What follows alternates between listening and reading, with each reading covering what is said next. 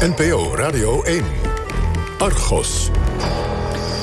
Ja, en dan pakken we nu de draad weer op van ons project Buitengesloten. Argos is een groot onderzoek gestart naar de vraag waarom zoveel jongeren dakloos raken.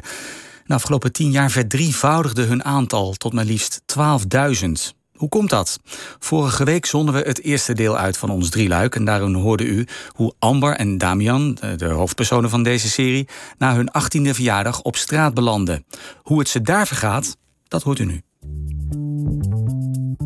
In de vorige aflevering volgden we Damien. Um, yes, mijn naam is Damien. Uh, ik ben 21 jaar oud en ik kom uit Rotterdam. En Amber. Niet haar echte naam trouwens. Ter bescherming van haar familie noemt ze die liever niet. Um, ja, lekker ongemakkelijk. Collega Remy van den Brand en ik, Joline Kramer, spraken ze naar aanleiding van ons onderzoek rondom dakloze jongeren. Met als hamvraag hoe het toch kan dat het aantal dakloze jongvolwassenen in Nederland sinds 2009 is verdrievoudigd. Volgens het Centraal Bureau voor de Statistiek zijn het er inmiddels van 12.500. Wat gaat er mis? Joline ontmoette Damien in een park bij station Rotterdam Centraal. Hij vertelde dat hij pakweg tot zijn achttiende in jeugdzorginstellingen had gezeten en een cocktail van medicijnen en drugs gebruikte. Nadat hij door zijn stiefvader het huis uit was gegooid, meldde hij zich bij het zogeheten jongerenloket van de gemeente Rotterdam. Daar kunnen dakloze jongvolwassenen terecht voor hulp.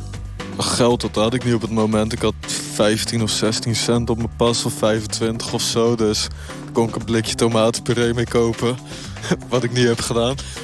Amber vertrok ook naar Rotterdam, vanuit Friesland. Ze ging mee met een vriendin die haar beloofde een advocaat te regelen om haar dochtertje terug te krijgen. Ze stond daar af aan jeugdzorg tijdens haar verblijf in een tienermoederhuis, waarin ze op haar zestiende zwanger terecht kwam. Terug naar het huis van haar moeder gaan was geen optie. Toen kwam ik verkeerde vrienden tegen die mij van alles beloofden voor een betere toekomst. Amber en Damien staan op straat. En in deze aflevering hoor je hoe het ze daar vergaat, wat en wie ze zoal op hun pad vinden. Behalve Amber en Damien hoor je Trace Klaassen, die als hulpverlener werkt bij Stichting Maatschappelijke Opvang Breda. Zij begeleidt jonge daklozen. Ik kom heel veel jongeren tegen die gewoon pech hebben gehad. Je luistert naar Buitengesloten. Over hoe jonge mensen op straat belanden en via welke hobbelige wegen ze uiteindelijk weer een thuis weten te bemachtigen. Dit is deel 2. Op straat. Ik logeerde in eerste instantie bij haar. En bij haar vriend en bij haar kinderen. En op den duur uh, hadden ze ergens een loods geregeld voor me. Toen sliep ik in een loods op een bank. Met een wc? Ja, dat wel gelukkig, maar geen douche. Dus ik douchte dan bij hun, als dat mogelijk was. Of bij ja, klanten thuis, waar ik uh, terecht kwam. Het is toch hartstikke koud, een loods ook? Ja, maar ja, maar ja, op zo'n moment zit je ook onder de drugs. Dus het slapen wordt het niet echt. Dus ja. En die drugs kwam via haar? Via haar, ja. Amber is inmiddels 18, heeft geen huis en geen kind. Na een verblijf in een tienermoederhuis, een groepswoning voor jongeren en een tijdje te hebben geslapen op de bank van een vriend, is ze met foute vrienden vertrokken naar Rotterdam. Ver weg van haar familie en vrienden in Friesland, waar ze vandaan komt. Haar vriendin belooft haar te helpen haar kind terug te krijgen. Maar daar komt natuurlijk niks van terecht. Ja, en nu vind ik mezelf super stom natuurlijk... dat ik daar ooit in heb geloofd in dat sprookje natuurlijk. Want het is gewoon een sprookje die ze voorhouden. In plaats van hulp krijgt Amber van haar vriendin drugs. Ze leeft op speed, sigaretten, water, energiedrank en af en toe een Happy Meal. Ja, van het een kwam het ander. En toen was het, ja, maar ja, ik zit financieel ook niet lekker. En we moeten de advocaat wel betalen. Misschien is het een optie dat je dat en dat doet. En, dat ja, en dat? Nou ja, dat je dat gaat doen, weet je, de prostitutie in. Dat je misschien daar wat meer mee kan verdienen. Maar hoe... hoe ja, maar als je bedoel, zo ver in de knoop Nee, maar wat gaf zij jou dan aan bijvoorbeeld? Hoe begin je daar dan aan? Nou, Zit je dan ergens een advertentie? Of wat, hoe werkt Ja, het? nou ja, ik ben altijd wel redelijk losbandig geweest. Ook met gewoon jongens en dat soort dingen. Nou ja, dat zegt ook wel genoeg als je 16 en zwanger bent. Dan ben je wel een beetje losbandig in de, met dingen. Dan wil je niet zeggen dat je echt uh, benen over elkaar heen hebt... en vooraan geen- in de kerk zit. Geen kuisheidsgordel. nee, dat had ik absoluut niet. Ik, ja, ik, vond het leven leuk. Ja, ik genoot van een drankje, mannen. Ik- ja, daar, daar genoot ik echt van, om het zo maar te zeggen. En... ehm, Het was eerst gewoon één op één met een drankje erbij. Gewoon een beetje als een grap van... ja, uh, misschien is dat een optie om geld te verdienen, weet je... om de advocaat te betalen. En je moet op de nu wel huur betalen voor je woning. En nou ja, zo is dat een beetje te sprake gekomen. En een beetje lacherig, ja, dat kan misschien wel een keer, weet je. Een beetje stoer doen. En toen zijn de foto's gewoon een keer gemaakt met een borreltje op. En uh, nou ja, van het een is het andere gekomen. Maar die en die heeft zij verspreid? Ja. En dus die mannen kwamen via haar? haar ja. En regelde zij ook afspraken ja. voor jou? Dus zij was eigenlijk een soort pooier? Ja, zij was mijn pooier. Zij bracht mij ook naar de afspraken heen. En ik leverde ook het geld gewoon bij haar in. Alles? Alles. Voor mijn eigen veiligheid in eerste instantie.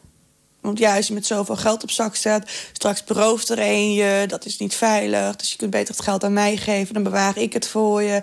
En zodra je dit en dit, dan krijg je dat geld gewoon terug. En we gaan dan gewoon die advocaat daarvan betalen. En we gaan dit voor je betalen daarvan. En dan regelen we dat voor je. Amber slaat op de vlucht na een waarschuwing van een andere vriendin. Uit Friesland. Daar had, ja, zo gezegd, die pooier van mij contact mee. En die had vroeg laten vallen dat ik een vliegticket zou krijgen op mijn verjaardag. Waarheen wou ze niet vertellen. En wat de bedoeling was, wou ze niet vertellen. Alleen het enige wat ik kreeg na dat telefoongesprek was een telefoontje van haar van... als je nou niet wegkomt daar, dan weet ik niet hoe het straks met je afloopt.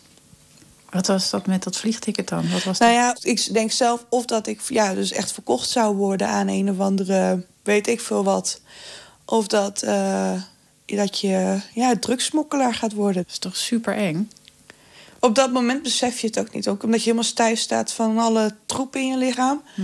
En op dat moment was ik wel gelukkig nuchter genoeg om de angst van haar stem wel te horen. Dat zij echt gewoon doods en doodsbang was. Jouw vriendin? Ja, mijn vriendin. Hier in Friesland? Ja. Damien meldt zich, nadat hij een nacht bij een vriend heeft geslapen... bij het jongerenloket in Rotterdam. Het is negen uur s ochtends. Je komt daar binnen en toen was dat anders dan nu. Nu zijn ze verplaatst en is je privacy echt weg. Maar toen had je nog privacy. Uh, dus je komt daar binnen, je meldt je, je heel kort je verhaal... en je wordt naar iemand doorverwezen. Dus je wacht even, je wordt geroepen... Um, en je komt in een kamertje. Er zijn meerdere, ja, gewoon spreekkamertjes met een computer. Um, je kan wel niet aan de kant van die persoon komen... omdat er een heel groot bureau tussen zit. Maar ja, je gaat een ophelderingsgesprek doen. Dus wie ben ik? Waar kom ik vandaan? Uh, wat is de situatie nu? Maar Damien komt simpelweg voor een slaapplek. Liefst nog voor dezelfde nacht. Dat zegt hij dan ook tegen de medewerker. Uh, ja, en de dame gaf aan dat er geen plek was in de nachtopvang... en dat ik de volgende dag om negen uur terug moest komen... zodat er wel plek zou zijn. Uh, dat zeggen ze elke dag. Ja, en eigenlijk... Uh, op een gegeven moment kwam er ook wel een soort van boosheid bij kijken. omdat het voor mij niet... Het had geen zin om, om steeds terug te gaan. Maar je moest maar, maar er kwam toch niks uit. En dat, dat werkt best frustrerend. Vooral op het moment dat je hebt al niks, je zit al in die put. Je denkt van oké, okay, er kan niet heel veel lager meer. Maar ja, waar ga je dan naartoe werken, weet je wel? Damien vertelt dat hem wordt aangeraden binnen zijn eigen sociale kring te zoeken naar een slaapplek.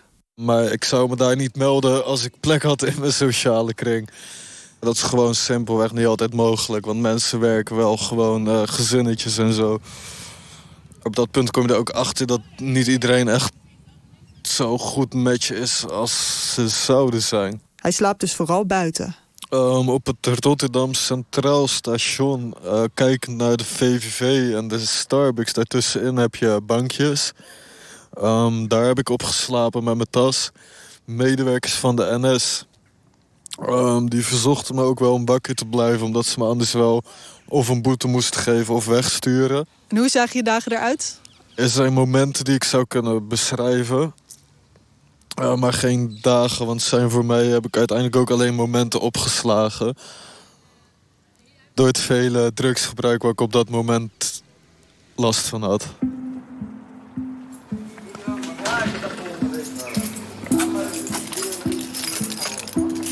Nou, hier zijn we dus bij ons jongerenhuis. Wij huren dit appartement van de woningbouwvereniging. En uh, hier kunnen vier jongeren een kamer huren. Dan hebben ze een uh, gezamenlijke keuken en uh, woonkamer. Even kijken of er iemand thuis is. Hey, hoi.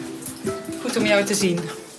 Dit is Trace Klaassen. En ik ben op dit moment mentor bij SMO Breda. En als je het woord mentor van SMO niet kent, dan zeg ik altijd... de een noemt mij persoonlijk begeleider... weer een ander zegt ambulant woonbegeleider... weer een ander zegt, oh, dat is mijn maatschappelijk werkster. Dat is maar net hoe je het noemt, of hoe je het hebben wilt. Maar ik ben dus eigenlijk een persoonlijk ambulant woonbegeleider. En SMO Breda? SMO Breda is de Stichting Maatschappelijke Opvang. Uh, en in Breda. En uh, we hebben bijvoorbeeld een nachtopvang. Dat is voor mensen die echt dakloos zijn. Die in zo'n groot gebouw met allemaal slaapkamertjes met stapelbedden kunnen slapen. We hebben twee grote woonvoorzieningen. Uh, waar mensen langdurig kunnen wonen, beschermd wonen. Waar dus dag en nacht ook begeleiding aanwezig is. En dan hebben we een hele grote tak ambulant. Dus mensen die zelfstandig wonen, die worden allemaal ambulant begeleid. En al die cliënten, of je nou in een nachtopvang zit... in die woonvoorzieningen of ambulant binnen onze woonprojecten... of zelfstandig woont, al die cliënten hebben een mentor. Trace meldt zich bij ons na onze oproep aan luisteraars en lezers ons te helpen met de vraag hoe het toch kan dat het aantal dakloze jongeren sinds 2009 drie keer zo groot is geworden. Ze werkt al jaren met jongvolwassenen die om de een of andere reden geen thuis hebben en op straat of andermans bank terechtkomen. Ik kom heel veel jongeren tegen die, die gewoon pech hebben gehad. En dan, ja, dat vind ik dan zo zonde en zo jammer dat ik denk, nou, misschien kan ik dan nog een kleine bijdrage leveren, uh, uh, zodat ze toch weer zelfstandig verder kunnen. Net als in Rotterdam kunnen daklozen in Breda zich melden bij de gemeente. Daar is geen speciaal loket voor jongeren, maar kan iedereen die dakloos is of dreigt te worden terecht bij Centraal Onthaal. En daar wordt gekeken wat is jouw situatie en welke organisatie is voor jou de beste plek om jou te ondersteunen. En dat is niet altijd per se SMO. Wat zou het dan ook kunnen zijn? Het zou ook de GGZ kunnen zijn. Als er heel veel sprake is van psychiatrische problematiek... dan moet je eigenlijk eerst naar de GGZ. Is de verslaving juist leidend in jouw uh, problematiek... dan zou je bij Novo de Kentron zo heet dat hier in deze regio, in andere regio's heet dat weer anders, zou je daar terecht moeten. Maar misschien is er nog wel, uh, een, zijn er andere plekken, bijvoorbeeld in jouw eigen netwerk, waar je terecht kan, waar je ook geholpen zou kunnen worden. En misschien moet je, kom je juist uit een andere gemeente en moet je daar naar een andere organisatie. En blijkt dan ja, SMO is de beste organisatie. Dan gaat er nog gekeken worden waar dan binnen SMO. Is de nachtopvang de enige plek waar je terecht kan? Of moet je misschien naar de crisisopvang? Of misschien naar Housing First? Of misschien naar het jongerenhuis? Even tussendoor. Het lijkt zo simpel. Je meldt je bij een loket voor een slaapplek en dan word je opgevangen. In de praktijk moet je daarvoor eerst een trits vragen beantwoorden. We vroegen een paar grote gemeenten waar ze op toetsen als iemand zich meldt voor opvang. Een aantal geeft aan dat ambtenaren eerst checken of je niet gewoon terecht kan bij een bekende. Een vriend, vriendin of familielid. Ook proberen ze erachter te komen of je zelfredzaam bent. Bijvoorbeeld, heb je geen ernstige psychiatrische problemen of een verslaving die je verhinderen goed voor jezelf te zorgen. En als je dan eenmaal door bent en er lijkt een hulporganisatie of plek te zijn die past bij jouw specifieke problemen, dan wil dat nog niet zeggen dat je daar terecht kan. Uit gemeentelijke documenten die we hebben opgevraagd via een beroep op de wet openbaarheid van bestuur, blijkt dat gemeenten de groei van het aantal daklozen niet meer aankunnen. Er zijn wachtlijsten, dus je mag achteraan aansluiten. Zo stonden alleen al in Amsterdam eind vorig jaar 103 jongvolwassenen van 18 tot 23 op de wachtlijst voor een passende opvangplek. Nou oké, dan heb je je hele verhaal verteld. Dan zegt die mevrouw of meneer, nou weet je wat, ik denk dat jij misschien wel naar het jongerenhuis kan. Maar ja, dat weet ik niet zeker. Dan moet je eerst weer met Trace gaan praten. Nou, dan komt, komen ze hier. Moet, en ik wil alles weten, want je komt niet zomaar in het jongerenhuis terecht. Er is eigenlijk een plaatsingscommissie die bepaalt of jij naar het jongerenhuis mag. Jij moet dat ook wel echt willen. Er moet ook wel zicht zijn op dat je het aan kan. Er moet ook wel zicht zijn op dat je over anderhalf jaar weer kan doorstromen. Er moet ook wel zicht zijn dat jij je eh, begeleidbaar opstelt. En dat jij je aan de afspraken gaat houden. Dus ik moet eerst alles weten waaruit blijkt dat het ook haalbaar is. Klinkt als een heel uitgebreid sollicitatiegesprek. Ja, het is nog, het is nog veel meer dan een sollicitatiegesprek. Je moet je hele hebben nou op tafel leggen. Nou, dat doe je niet graag. Nee. Want er is ook vaak sprake van schaamte.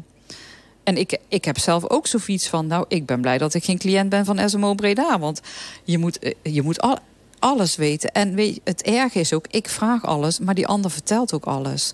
En daar voel ik me soms ook wel heel erg bezwaard over. Ik ga met het hele verhaal weer naar die plaatsingscommissie. Als je wil, mag je mee. Nou, sommigen willen dat, sommigen willen dat niet. En dan gaan die uiteindelijk bepalen... mag jij wel of niet naar dat jongerenhuis. Oké. Maar dan blijkt dat je een verslaving hebt. Dan moet je een verwijsbrief van de huisarts hebben. Nou, dan ga je dus met mij of zonder mij... ga je naar de huisarts. Moet je daar ook weer je hele verhaal vertellen... voordat die huisarts jou doorverwijst naar een, uh, de juiste organisatie.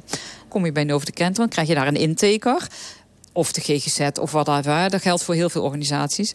Moet je daar ook weer je hele verhaal vertellen. Dan zegt die inteker, oké, is goed. Je, mag, je kan door ons geholpen worden.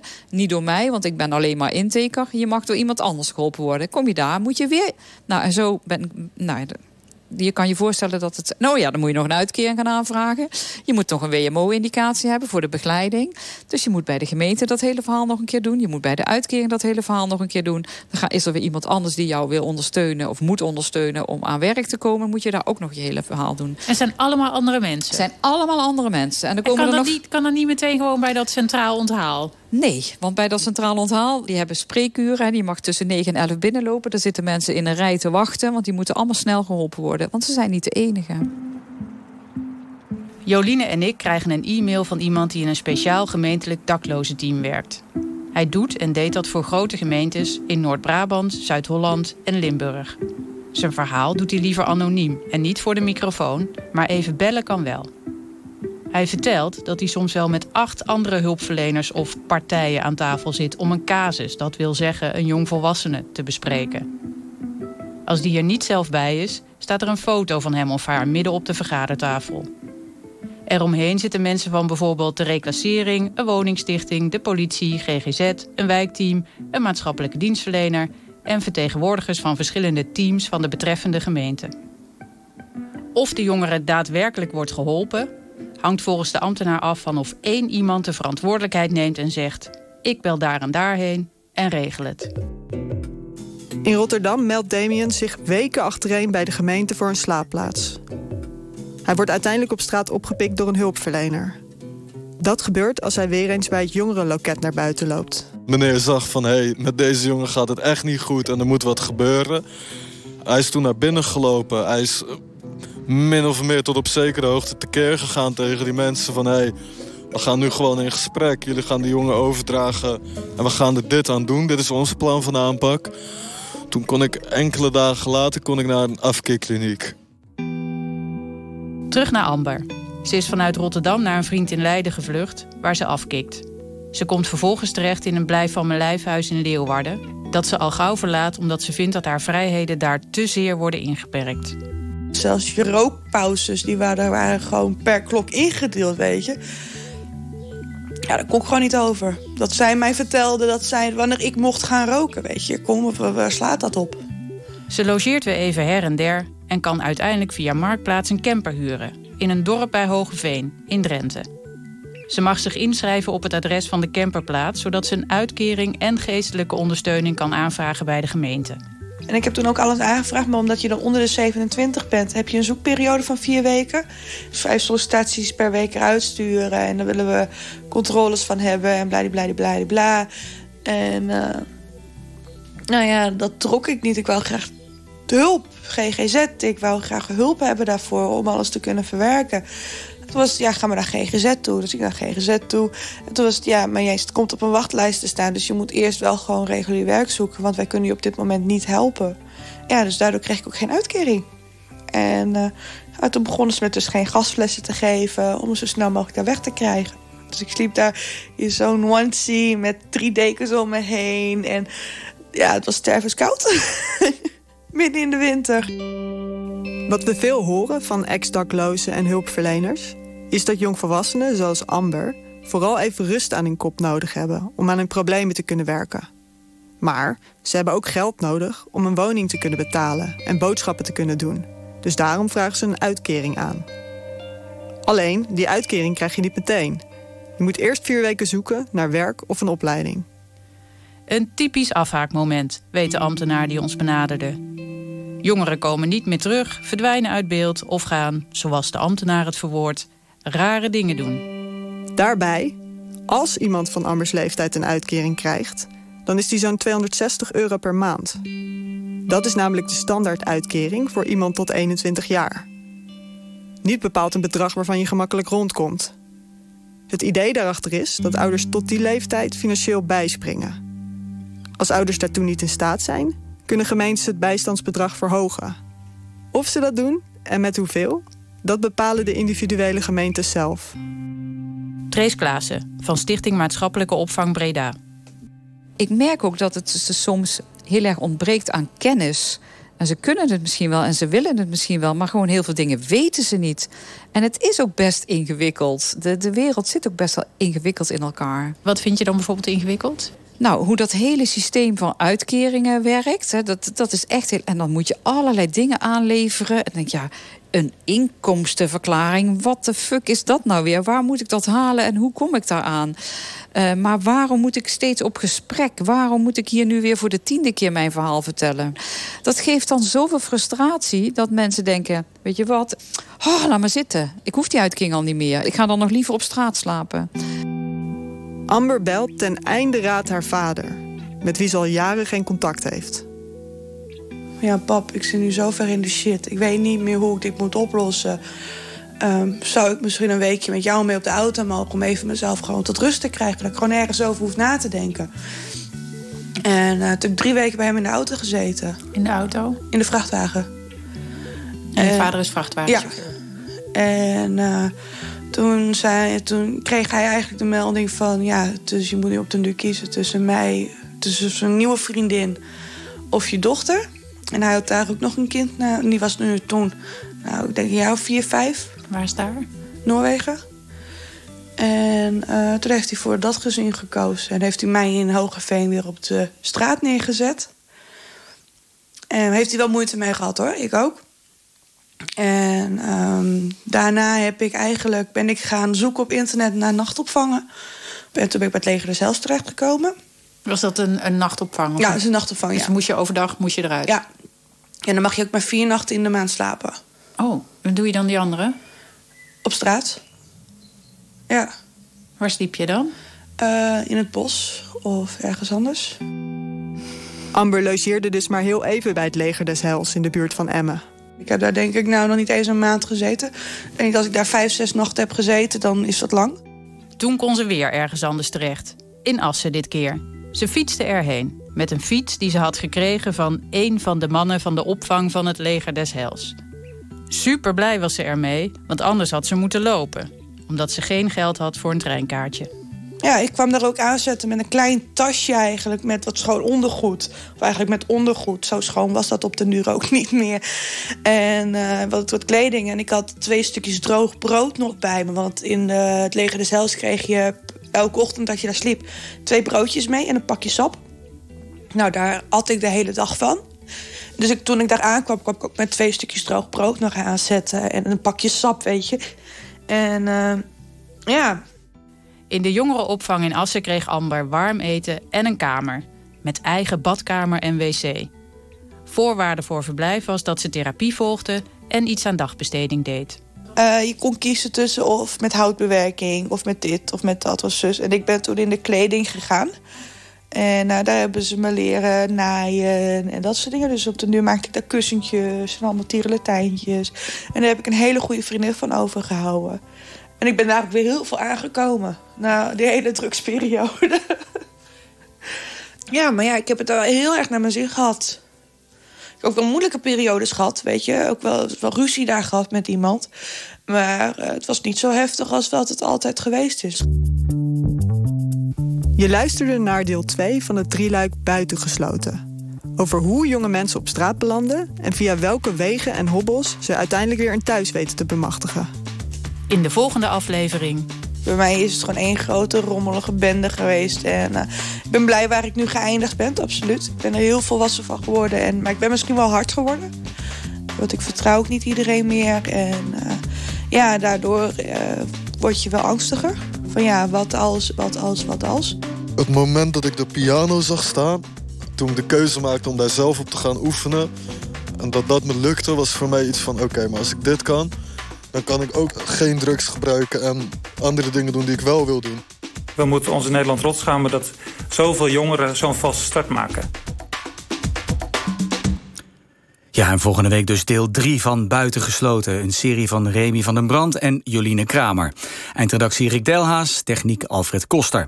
Wilt u nu al meer weten over dit onderzoeksproject? Ga dan naar onze website vpro.nl slash buitengesloten... voor de laatste verhalen in dit dossier. Waaronder de artikelen die online tijdschrift Vers Beton... en lokale omroep Open Rotterdam... in samenwerking met ons maakten over de Rotterdamse problematiek.